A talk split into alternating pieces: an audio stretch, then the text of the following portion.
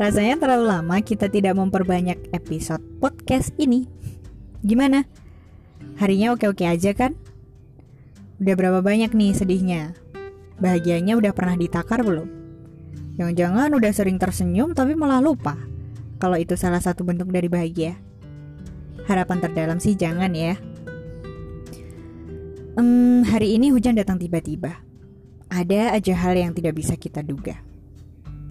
Sama halnya dalam perjalanan kita di sebuah galaksi yang namanya Bima Sakti. Dan ini sih tentang diri kita sendiri.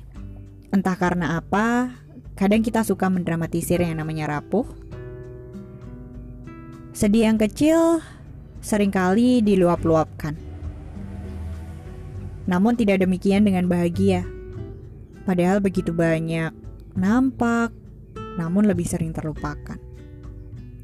Pernah berpikir nggak sih? Intensitas sedih yang tidak seberapa suka diada-ada aja. Sedangkan frekuensi bahagia yang lebih rapat seolah selalu dibikin sekat. Dirasakan terlalu singkat. Dan mulai hari ini, semua itu jangan dilebih-lebihkan.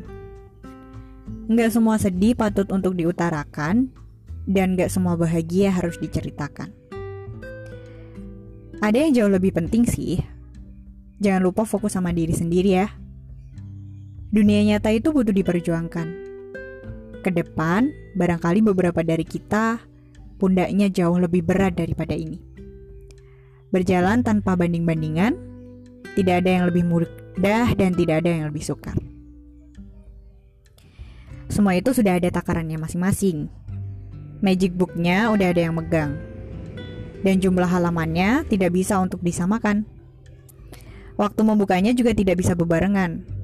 Close booknya juga tidak akan samaan. Kuis yang ada di dalamnya berbeda. Tingkat kesukarannya serta challenge yang ada di dalamnya juga nggak sama. Orang lain itu bukan sebagai bahan perbandingan. Ntar malah capek sendiri loh. Udah ya, Jadikan aja dia sebagai pemacu semangat dalam sebuah perjalanan. Udah dewasa, waktunya belajar positif main. Segitu aja. Dan katanya abang-abang tukang cimol di tepian jalan, semua udah ada yang ngatur. Yang penting diusahakan. Terima kasih Bang Jack.